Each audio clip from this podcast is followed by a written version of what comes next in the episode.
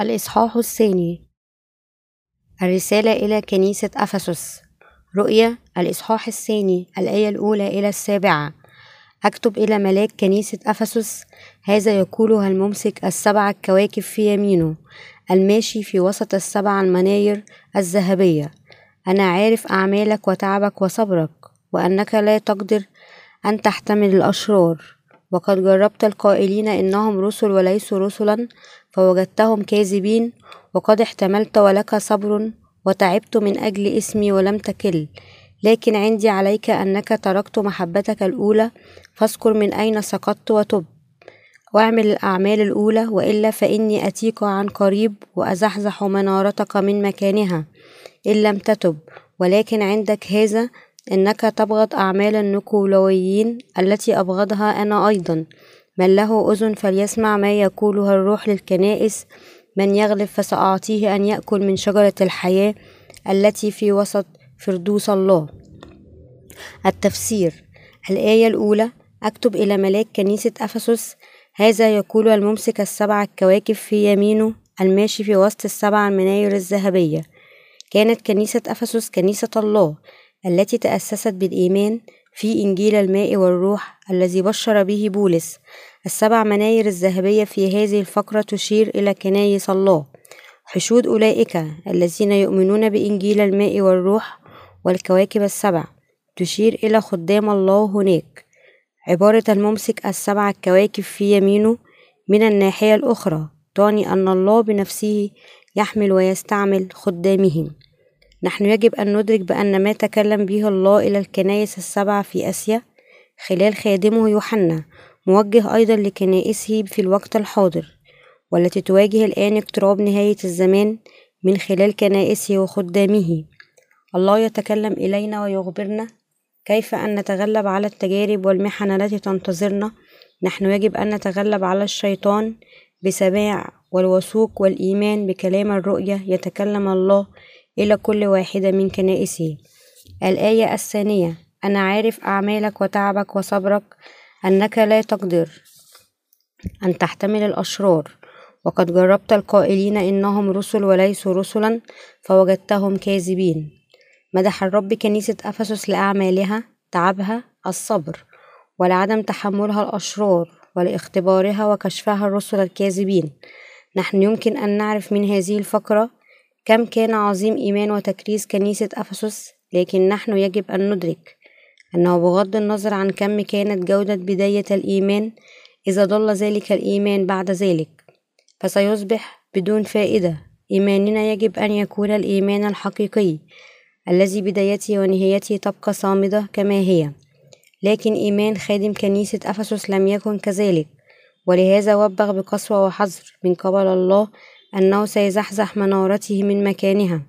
كما يكشف لنا تاريخ الكنيسة أن الكنائس السبعة في آسيا الصغرى كانت لعنت حقا بزحزحة منايرهم. نحن يجب أن نتعلم من دروس كنيسة أفسس ونتذكر بأن كنائسنا يجب أن تكون معتمدة من قبل الله ككنيسته بتأسيسها في الإيمان بإنجيل الماء والروح. وأننا نحن يجب أن نصبح خدام الله الذين نحفظ كنائسنا بهذا الإيمان. الآية الثالثة لقد احتملت ولك صبر وتعبت من أجل اسمي ولم تكل.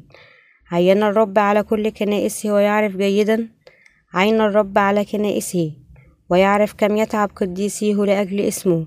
لكن قديسين كنيسة أفسس كانوا يتركون إيمانهم الأول وبدأوا يسقطون في طريق خاطئ بإضافة الإعتقادات الأخرى لإنجيل الماء والروح النقي.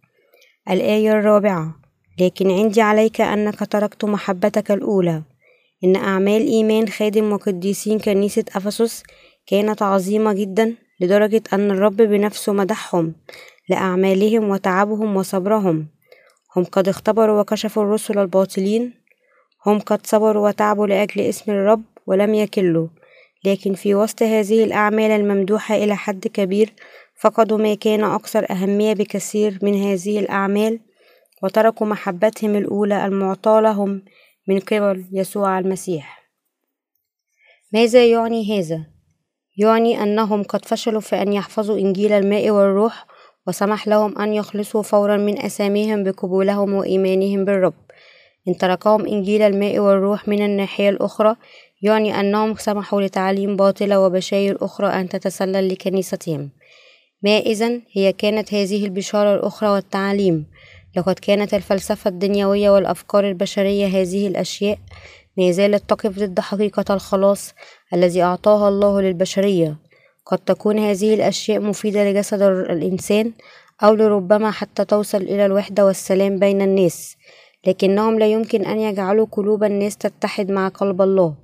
هكذا خادم وقديسون كنيسة أفسس انتهوا محولين إيمانهم لإيمان غير المؤمنين الملعونين أمام الله ولهذا هم قد وبخوا من قبل الرب.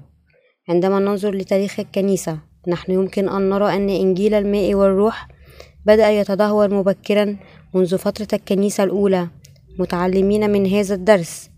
يجب أن نتمسك بشكل صامت بإنجيل الماء والروح وأن نفرح الرب بإيماننا الثابت ونتغلب على الشيطان والعالم في كفاحنا ضدهم. ماذا كانت إذا المحبة الأولى للخادم وقديسين كنيسة أفسس؟ حبهم الأول لم يكن إلا إنجيل الماء والروح الذي أعطاهم الله إياه. إن إنجيل الماء والروح هو كلمة الخلاص التي لها القوة أن تخلص كل شخص من كل أسام العالم. كشف الله لبولس ويوحنا وخدام الكنائس السبع في آسيا ما هو إنجيل الماء والروح. وسمح لهم أن يفهموه هكذا أمكنهم أن يؤمنوا بهذا الإنجيل وأولئك ممن سمعوا وآمنوا بالإنجيل المبشر به بواسطتهم استطاعوا أن يخلصوا من كل آثام العالم. إن إنجيل الماء والروح المعطي لنا من قبل ربنا موجودان في كلمة معمودية المسيح ودمه على الصليب. وبالرغم من أن خادم كنيسة أفسس التقى بالرب خلال إنجيل الماء والروح وبشر به بشكر في البداية إلا أنه ترك هذا الإنجيل فيما بعد. هكذا وبخه الرب لمغالطته في هذه الفقرة. الآية الخامسة فاذكر من أين سقطت وتب واعمل الأعمال الأولى. وإلا فإني أتيك عن قريب وأزحزح منارتك من مكانها إن لم تتب. كون خادم كنيسة أفسس قد سقط من محبة الله يعني بأن الكنيسة قد تركت إنجيل الماء والروح. لهذا أخبرهم الرب أن يذكروا من أين فقدوا إيمانهم. ويتوبوا ويعملوا الأعمال الأولى. ما إذا يمكن أن يكون سبب فقد كنيسة أفسس إنجيل الماء والروح. ضعف إيمان كنيسة أفسس أدى إلى الأفكار الجسدية من خادمها وهو ما قاد الكنيسة إلى الضلال. إن إنجيل الماء والروح هو من الله إنه الحقيقة المطلقة التي كشفت كل أكاذيب المذاهب والتعاليم الباطلة في كل أديان هذا العالم. هذا يعني أنه عندما بشرت كنيسة أفسس ونشرت إنجيل الماء والروح فإن الصراع مع أهل العالم كان أمر حتمي. هذا النزاع تباعا جعل الأمر كذلك صعوبة لمؤمنين كنيسة أفسس أن يتعاملوا مع أهل العالم لأنه أدى إلى أن يضطهدوا إيمانهم لكي يتجنب هذا وليجعل الأمر أسهل على الناس أن يدخلوا كنيسة الله. ترك خادم كنيسة أفسس إنجيل الماء والروح وسمح لإنجيل الأكثر فلسفا أن يعلم بهم. الإنجيل الفلسفي هذا هو الإنجيل الباطل المشتق من الأفكار الإنسانية الذي هدفه ليس فقط أن يصلح ويجدد العلاقة بين الله والإنسان لكن ألا يصطدم مع أهل العالم وبالتالي يجلب السلام بين الناس. إن هذا النوع من الإيمان يحاول إرضاء الكل هو نوع الإيمان الذي يريده الله منا.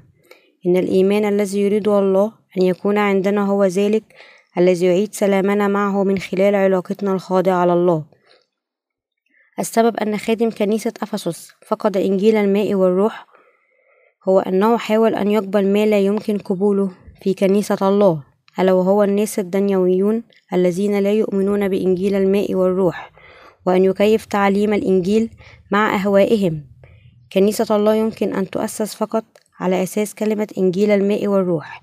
إلى الآن هناك العديد من الناس في وقتنا هذا كما في فترة الكنيسة الأولى يعتقدون بأنه يكفي أن يؤمنوا بيسوع بأي شكل ليخلصوا ولا يرون لماذا يجب أن يؤمنوا بإنجيل الماء والروح إلا أن الإيمان بيسوع مع إهمال إنجيل الماء والروح المعطى من قبل الله هو إيمان مغلوط بشدة. أولئك الذين يؤمنون بالرب فقط كممارسة دينية مجردة يسلكون بتراخي سيصبحون أعداء الله. لهذا وبخ الرب وحذر خادم كنيسة أفسس أن يتوب عن إيمانه الخاطئ ويرجع إلى إيمانه الحقيقي والجدي السابق. الإيمان الأول الذي كان لديه عندما سمع إنجيل الماء والروح لأول مرة. يوجد درس مهم لنا هنا. إذا ابتعد كنيسة من كنايس الله عن إيمانها في إنجيل الماء والروح لا يعود الله يدعوها كنيسته. لهذا فإن الرب قال بأنه سيزيل المنارة من مكانها ويعطيها للمؤمنين بإنجيل الماء والروح. الكنيسة قد تركت ولم تعد تعلم الإنجيل الماء والروح ليست من كنايس الله. إنه حتما أمرا شديد الأهمية لنا أن ندرك بأن الإيمان بإنجيل الماء والروح والدفاع عنه والتبشير به مهم أكثر بكثير من أعمال أخرى. إن آسيا الصغرى حيث تقع الكنائس السبع في الفقرة السابقة الآن منطقة مسلمة. هكذا لقد حرك الرب منارة كنيسة الله إلى ها هنا وجعلنا نبشر بإنجيل الماء والروح في جميع أنحاء العالم في كنيسة الله الحقيقية. يوجد حق إنجيل الماء والروح كنيسة الله التي لا يمكن أن توجد بدونه. الإثنى عشر تلميذا ليسوع كان عندهم إيمان راسخ بإنجيل الماء والروح خلال العصر الرسولي. بطمس الأولى بطرس الأولى الإصحاح الثالث الآية الواحدة والعشرون رمية الإصحاح السادس والأول يوحنا الإصحاح الخامس. من المؤسف جدا مع ذلك أن كنائس الله في آسيا الصغرى فقدت الإنجيل الحقيقي للماء والروح. منذ عصر الكنيسة الأولى وبأن هذه المنطقة أصبحت مسلمة نتيجة لذلك علاوة على ذلك حتى كنيسة روما ضربت بمأساة خسارة إنجيل الماء والروح بمرسوم ميلان الذي أصدره الإمبراطور قسطنطين الروماني. الآية السادسة ولكن عندك هذا أنك تبغض أعمال النكولاويين التي أبغضها أنا أيضا. النكولاويين هم أولئك الذين كانوا يستعملون اسم يسوع ليحققوا مكاسبهم الدنيوية والمادية لكن كنيسة أفسس كرهت مذاهب النيكولاويين وأعمالهم لكنيسة أفسس. كان هذا شيئا استحقت المدح عليه بشدة من قبل الله. الآية السابعة من له أذن فليسمع ما يقوله الروح للكنايس من يغلب فسأعطيه أن يأكل من شجرة الحياة التي في وسط فردوس الله. إن خدام وقديسون الله يجب أن يسمعوا ما يقوله الروح القدس إليهم ما يخبرهم به الروح القدس هو أن يدافعوا عن إيمانهم وينشروا إنجيل الماء والروح للنهاية. وحتى يفعلوا هذا هم يجب أن يقاتلوا ويغلبوا أولئك الذين ينشرون الكذب. إن خسارة المعركة ضد الكذب تعني دمار المؤمنين. وخدام الله يجب أن يقهروا ويتغلبوا على خصومهم بأسلحتهم التي هي بكلمة الله وإنجيل الماء والروح. الله قال من يغلب فسأعطيه أن يأكل من شجرة الحياة التي في وسط فردوس الله. الله سيعطي ثمار شجرة الحياة فقط إلى من يغلب. لكن يغلب ماذا أو من؟ نحن يجب أن نتغلب على أولئك الذين لا يؤمنون بإنجيل الماء والروح. المؤمنون يجب أن ينشغلوا في معارك الروحية مستمرة مع أولئك الذين ينتمون إلى الكذب ويجب أن يخرجوا منتصرين في هذه المعارك بإيمانهم. هم يجب أن يعطوا أيضا كل المجد لله ويعيشوا حياة النصرة بإيمانهم في إنجيل الماء والروح. فقط أولئك الذين بإيمانهم بالحق يتغلبون على خصومهم في صراعهم سيكون قادرين أن يعيشوا في السماء والأرض الجديدة المعطيان من قبل الله. في فترة الكنيسة الأولى أولئك الذين أرادوا أن يؤمنوا ويدافعوا عن إنجيل الماء والروح كان يجب أن يواجهوا الاستشهاد وهكذا أيضا عندما يجيء وقت ضد المسيح ليظهر هناك سيكون شهداء أكثر بكثير.